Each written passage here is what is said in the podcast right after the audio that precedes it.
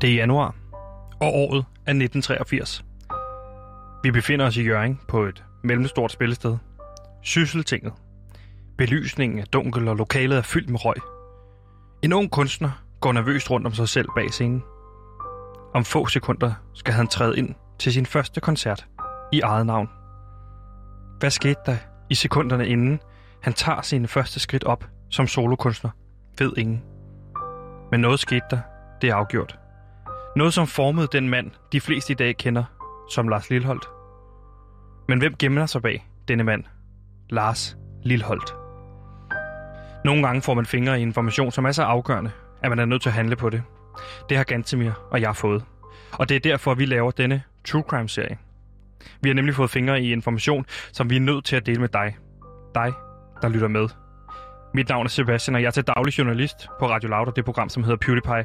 Og det er sammen med min researcher, Gantemir Erdograskov, og produceren Simon, at vi lige nu jagter en af Danmarks allermest folkekære musikere. For tilbage i december 2020 fik vi et anonymt chip, som vi har jagtet lige siden. Lige nu ved vi ikke meget, men vi ved noget. For i en jagt på et spor om sexisme på Ekstrabladet fandt min researcher Gantemir et mærkværdigt mønster. Den ellers altid hårde musikanmelder på Ekstrabladet Thomas Treve har gang på gang slagtet TV2-programmet Toppen af Poppen. Lige indtil Lars Lillehold medvirkede. Så fik pipen en anden lyd, og pludselig var programmet og Lars Lilholdt Guds gave til befolkningen. Hvorfor denne skiftende tone? Vi undrer os på redaktionen, og Gantemir forsøgte at ringe til Ekstrabladet for at finde ud af, om det har noget på sig. De ville ikke sende Gantemir videre til Thomas Treve, og jeg var egentlig klar til at droppe sagen. Lige indtil vi modtog denne telefonsvar. Hvad end du har gang i, så glem det. Der er ikke noget at finde her. Stop, eller jeg kan garantere for, hvad der kommer til at ske. Men hvad er det, der binder de her to mennesker sammen? Hvad er det for et farligt mønster, vi er på jagt efter? Det vil vi undersøge i denne True Crime-serie. Hvem er bange for Lars Lilholdt? Det her det er andet afsnit i serien, som vi har valgt at kalde En sten gennem roden.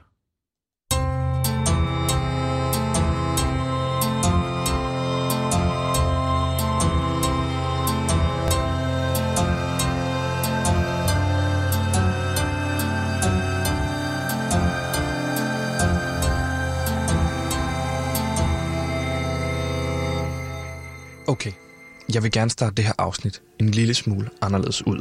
For i nat oplevede jeg noget uhyggeligt.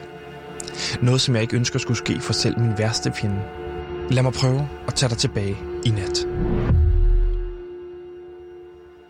Jeg ligger i min seng og sover trygt. Klokken er 03.42. Men hvorfor ved jeg, hvad klokken er? Det skal jeg fortælle dig. For mens jeg ligger og sover trygt i min seng, så vil der ske noget helt markant, som får mig til at tjekke uret. Og det vil ske lige om lidt. Faktisk vil det ske om 3, 2, 1. Jeg vågner bræt op og orienterer mig med det samme mod min mobil, som ligger i opladeren ved siden af sengen. Det er rigtigt nok. Klokken den er 03.42. Men hørte jeg virkelig korrekt, blev der kastet en sten igennem mit vindue. Jeg sidder fuldstændig stille i min seng og forsøger at trække vejret så lavt som jeg overhovedet kan.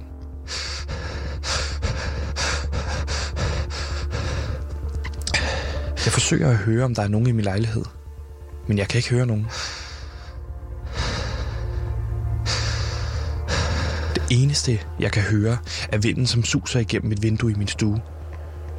Den er god nok. Der må være nogen, som har kastet en sten igennem min rode, men hvorfor? Tanken afbrydes af et motorkøretøj, som forlader stedet i fuld fart.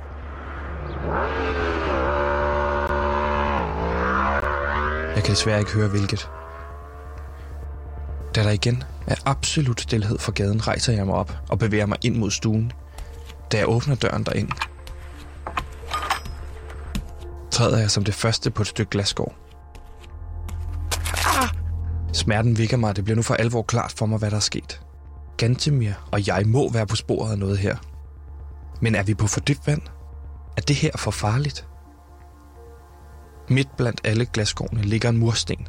Men det er ikke bare en mursten, for på murstenen sidder der en seddel, sat fast med en elastik. Jeg tager sedlen op og læser det, der chokerer mig. For det er helt klart et spor. På sedlen står der skrevet med rød skrift. Tjek pladeselskabet Sonet ud.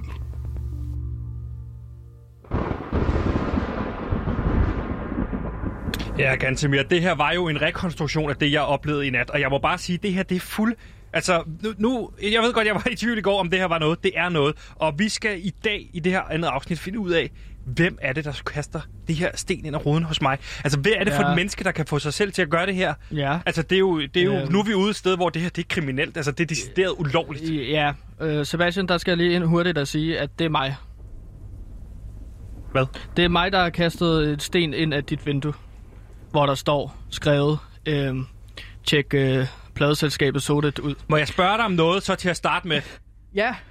Hvorfor fanden går- kaster du sten igennem ruden hos mig om natten? Jeg ligger og sover, og vi skal til... Jamen, altså, Er du klar over, hvor bange jeg har været hele dagen?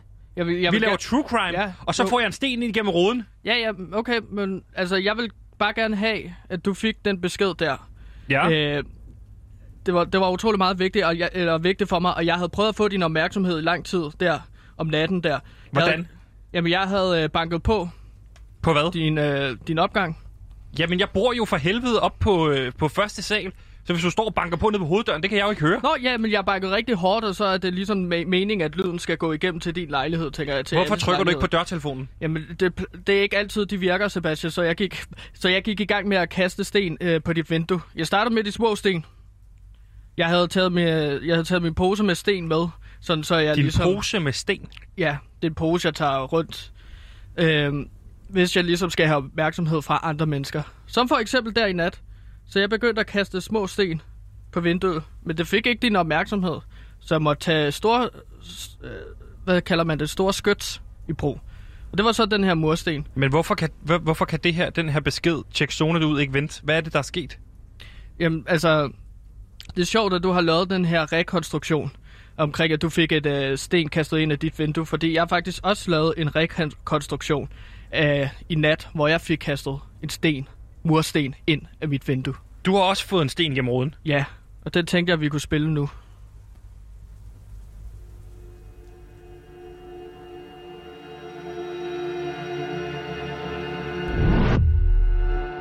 Jeg ligger i min seng. Badet i sved og kan ikke sove.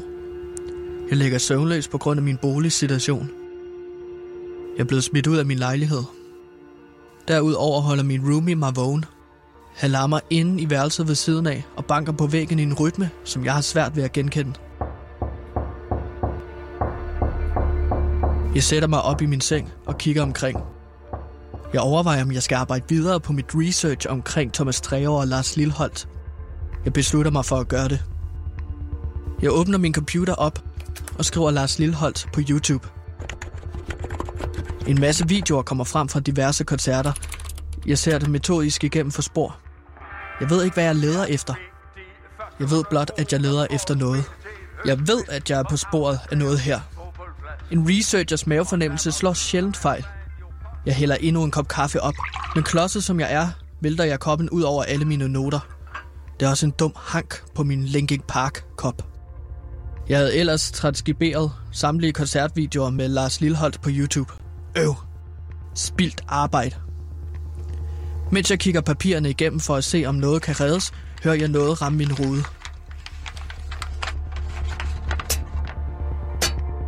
Da jeg rejser mig op og kigger ud af vinduet, ser jeg en lille sten ramme min rude.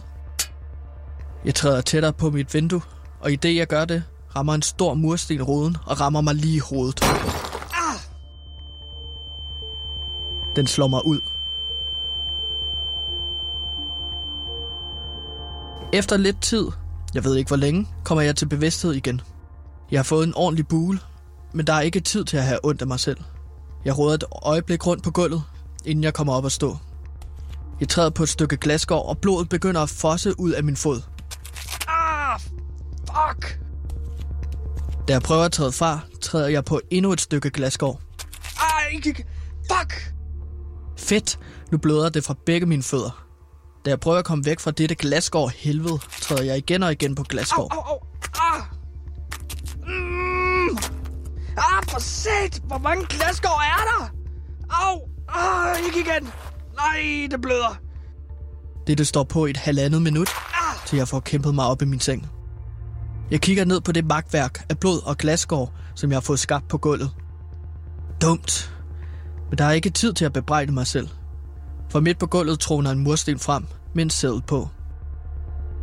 Jeg forsøger fra sengen at få fat i murstenen, men kan lige præcis ikke nå den. Jeg strækker mig ud og kan lige præcis snitte mursten med min højre pegefinger. Bare et par centimeter mere. Da jeg forsøger at give det sidste, falder jeg ned fra sengen og ned i glasgårdene med hele min krop. Ah! Ah! Jeg skærer mig på min højre ribben, men har fat i murstenen og sædel. På den står skrevet. Pas på, hvad I har gang i. Det er en farlig leg. Hvis I virkelig vil finde ud af, hvad der er op og ned, så tjek pladeselskabet Zonet ud. Det er et klokkeklart spor. Sebastian og jeg har fat i noget. Jeg må skynde mig hjem til Sebastian og fortælle ham, hvad jeg har fundet ud af.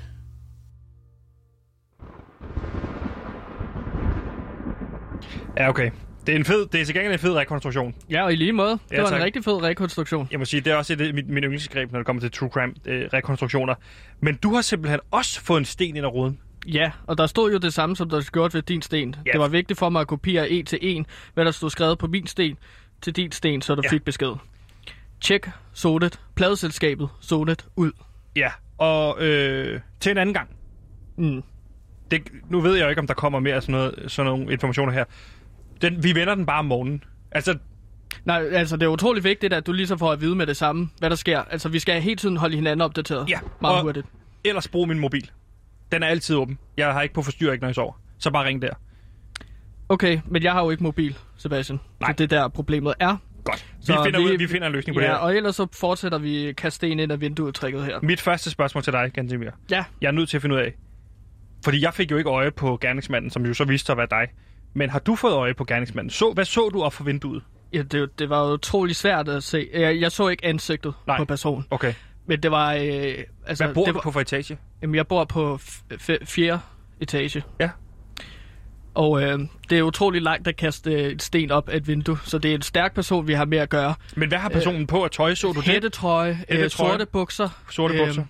og Har han noget- eller hun løb meget hurtigt væk derfra. Havde personen en mærkværdig måde at løbe på? Kan man sætte noget på det? Nej, det, det, det kan man ikke. Øh, eller det kunne jeg ikke. Jeg så Nej. bare, at personen løb meget hurtigt. Okay. Højdemæssigt, hvor, hvor vil du sige, vi er? 1,80 1,80. måske. Det er meget præcist. Mm, altså, vil du have det mere præcist? Nej, nej, jeg siger så kan jeg 1,80. godt...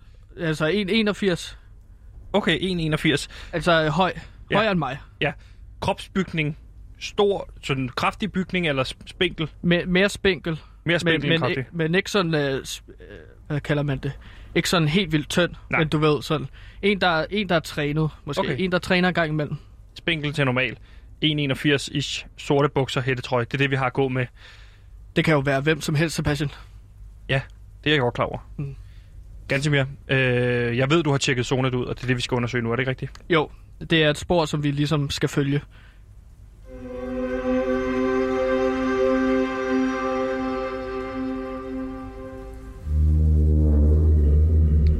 En sten gennem roden.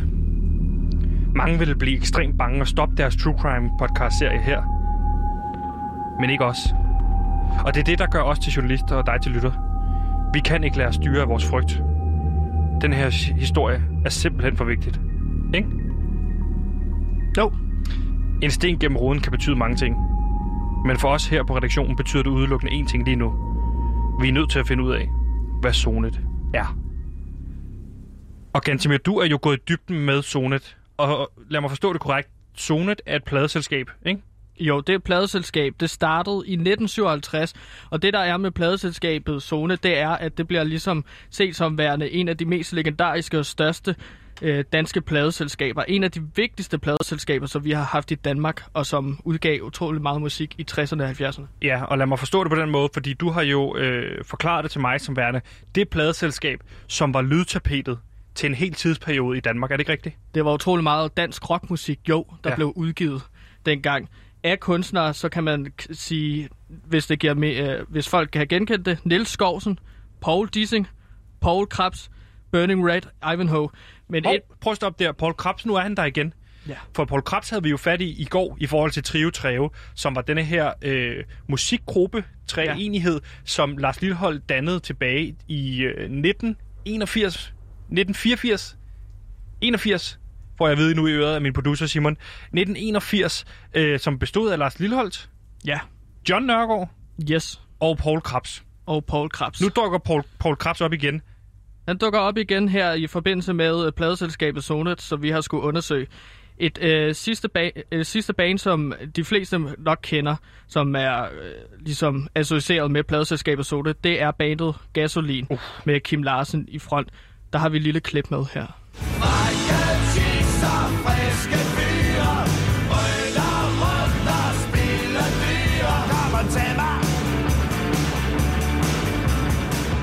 Så det er, hvad kan man sige, ikke noget lille bitte pladselskab, vi har med at gøre her. Det er jo et af de største pladselskaber nogensinde i Danmarks historie, med et af de største bands nogensinde i Danmarks historie, Gasolin. Mm. Men Gantemir, hvordan kobles det her så sammen med øh, Lars Lilholdt? Jo, For der må være en kobling, siden vi får øh, begge to en sten ind i ruden, hvor der står tjek zonet ud. Din er så, eller min er så kastet af dig, ikke? Jo. Øh, altså, koblingen mellem Lars Lilleholdt og Sonet, som jeg har undersøgt, det er, at Lars Lilleholdt faktisk var inde i Sonet for at skulle øh, optage en plade. Det var han i 1984 med den her plade, og Lars Lilleholds øh, øh, kop, øh, ligesom snak med Sonet, det ender i en konflikt øh, to år efter, han er gået solo. Lars Lillehold, ikke? Okay, så han får en konflikt allerede to år efter, at han bliver signet på det her pladselskab. Så får han en konflikt med pladeselskabet Sonet. Er det forstået korrekt? Pladeselskabet Sonet skal ligesom stå for en af Lars Lilleholds første soloudgivelser. Okay. Ja. Og må jeg så spørge, hvorfor er det, eller hvad går den her konflikt så ud på? Jamen, konflikten går ud på, at Sonet, øh, altså den officielle historie, den går ud på, at Sonet, pladeselskabet, gerne vil have at Lars Lilleholdt, han laver øh, en plade med covers. Okay. Altså, øh, at Lars Lilleholdt ligesom laver sine øh, lidt egen versioner af kendte sange. Og jeg ved, du har sat dig lidt ind i, hvad en coversang er. Kan du prøve at forklare mig, hvad coversang er? Ja, ja, Fordi det kan godt være, at man sidder derude og ikke er ligesom musikkyndig og tænker, hmm, cover, det er jo noget, der er på forsiden af en plade. Men hvad er en coversang så? Jamen altså, coversang, det er ligesom... Øh, øh, hvis jeg skulle ligesom lave et cover af en anden musikers sang, Ja. så tager jeg bare den sang, som personen har lavet. Lad os sige øh, Gasolin med Reballerstræde, som vi lige spillede. Mhm. Så tager jeg Reballerstræde, og så ikke rigtig laver om på den, men bare kopierer den. Spiller Ah. og synger på samme måde, øh, som Gasolin gjorde det med Reballerstræde. Ja, så langt, så godt. Så hvis jeg forstår det korrekt, det Lars Lillehold ikke er interesseret i, det er at lave kopier af andre kunstnere. Han vil være en original kunstner på det her tidspunkt, ikke? Han vil lave sin egen sang. Men der er noget her, som så ikke hænger sammen. Er det ikke rigtigt? Jo, fordi at det giver ikke mening, at Lars Lilleholdt han er blevet sur over, at han skulle spille øh, øh, andre folks sange på sin øh, plade, øh, når han har spillet så mange covers selv. Han har spillet tusindvis af covers, øh, altså efter det her skætteri med Sonet. Okay, Blandt så jeg kan andet, forstå øh, det korrekt, så er Lars Lillehold i virkeligheden manden, der nærmest ud over enkelte sange udelukkende laver coversange. Altså, han har lavet utrolig mange coversange. Blandt andet lavede han en plade, der hedder Jokerne fra 2008, der er et coveralbum. Jeg har faktisk taget en sang med her, Sebastian. Øh, den hedder øh, øh, Ligesom en kvinde, og det er en coversang af Bob Dylans Like a Woman. Vi kan lige høre et lille bid her.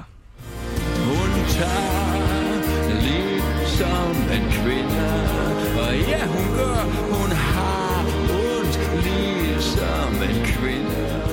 Ja, hvis man kender Bob Dylan derude, så er det her jo en til en Bob Dylan. Men hvorfor, hvorfor øh, opstår der en konflikt som et pladselskab, hvor han nægter at lave coversange, hvis han ikke har noget imod at lave coversange, og som vi også har dækket jo, øh, medvirker i programmet Toppen af Poppen, som er et program, der er bygget op omkring at lave coversange. Jamen, det er jo så det underlige, der hvor vi som researcher og journalist ligesom skal klø os under ha- hagen og gruble lidt. Hvad, hvor, hvorfor... Øh, det er åbenbart den officielle historie, at Lars Lilleholdt han ikke vil spille covers, når han tydeligvis godt kan lide at spille covers. Så der stikker noget dybere her, Sebastian. Ja, og det skal vi grave i.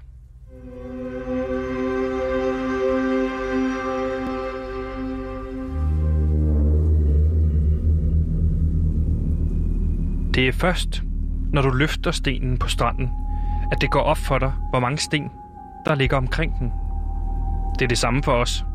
Hver gang vi får et svar i den her sag, så afleder det 10 nye spørgsmål. Kunsten er ikke at opdage de mange sten på stranden. Nej, kunsten det er at finde mønstret på de mange sten, og på den måde finde sandheden i denne sag. For Gantemir, hvor efterlader det her også henne lige nu? Jamen altså, vi har jo fået et spor, og der stod tjek øh, pladeselskabet Sodet ud, og vi ved, at pladeselskabet Sodet lukker i 1991. Det er syv år efter uh, skætteriet og uenigheden med Lars Lilholds udgivelse. Øhm, så okay, prøv, prøv, må jeg stoppe? Nu stopper jeg lige. Ja. Zonet stopper med at eksistere. Der, mm, Pludseligt, kort tid efter, og så, forholdsvis kort tid efter, Ja. et skænderi med Lars Lilholdt. Ja, og det her, det er altså en af de mest toneangivende pladeselskaber, vi nogensinde har haft i Danmarks historie, når det kommer til rockmusik. Hvorfor stopper det i 91? Det giver ikke mening for mig. Nej, det gør det heller ikke for mig. Øh, så der er det her skænderi mellem Sonet og Lars Lilholdt, angiveligt fordi, at Lilholdt ikke vil spille covers, men det ved vi jo ikke passer. Det ved vi ikke passer. Mm. Vi har en direkte løgn her fra Lars Lilholdt, og man kan sige, at han direkte pisser os, der undersøger det direkte op ned i ryggen, ved så gå ind i toppen poppen og lave coversange. Jeg ved ikke, om det er et signal til os, eller om det er et signal til måske Sonet, hvor vi vise den her konflikt. Ja, jeg ejer jer i den her konflikt, eller hvad? Det er jo nærmest som om, at han følger med i det, vi laver her. Det er som at, altså... En ting er sikkert, der er i hvert fald nogen, der følger med. Mm, Og det, der gør mig tryg i det her, fordi jeg er jo ikke meget for at lave true crime, hvis det skal blive for farligt. Jeg synes jo også, true crime skal være hyggeligt at lave. Fordi når jeg hører true crime, så vasker jeg tit op. Og det, det er jo ikke farligt, medmindre du skærer dig på en kniv, mens du vasker op. Og det Eller- kan også gøre ondt. eller du kommer til at bruge det varme vand i stedet for det kolde vand, for eksempel. Ja, Altså, jeg, nu vasker jeg op i lunken vand. Men, men det, jeg vil sige er, det, der gør mig mest tryg i det her, det er, at det virker som om, de er efter dig, når det kommer til stykket. Mm, og det får mig til at lø- føle mig meget levende. Og jeg er meget spændt på at se, hvad for nogle øh, nye trusler, der dukker op, som ligesom kan give mig et spark, øh, hvad siger man, testosteron, Ja. endorfin. Helt sikkert. Jeg vil Mm. bare ikke risikere mit liv i det her. Nej, Det er bare en podcast. Serie. ja. Men altså, der er i hvert fald et eller andet her, vi skal dykke dybere ned i, Sebastian. Øh, vi bliver nødt til at gå linjen ud. Ja, og det gør vi i morgen.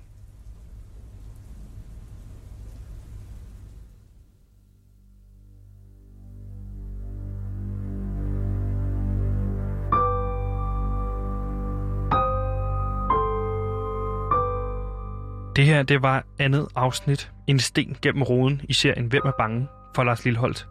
For hvorfor lader Lars Lilholdt, som om han ikke vil spille coversange, når han nærmest ikke har lavet andet siden? Hvorfor stoppede Zonet rent faktisk med at eksistere? Og hvorfor bliver et pladeselskab med tilknytning til Lars Lilholdt brændt ned præcis en uge efter, at vi starter efterforskningen tilbage i december 2020? Alt det her, det undersøger vi i morgen i det tredje afsnit af denne True Crime-serie. Og husk, hvis du synes om det, du lige har hørt, så del det med dine, med dine venner. Vi har brug for din hjælp, hvis vi skal finde sandheden. Mit navn er Sebastian, og sammen med Gantemir og vores producer Simon har vi bragt andet afsnit af Hvem er bange for Lars Lilleholdt til dine ører. Det her var nemlig afsnittet En sten gennem roden. Tak fordi du lytter med.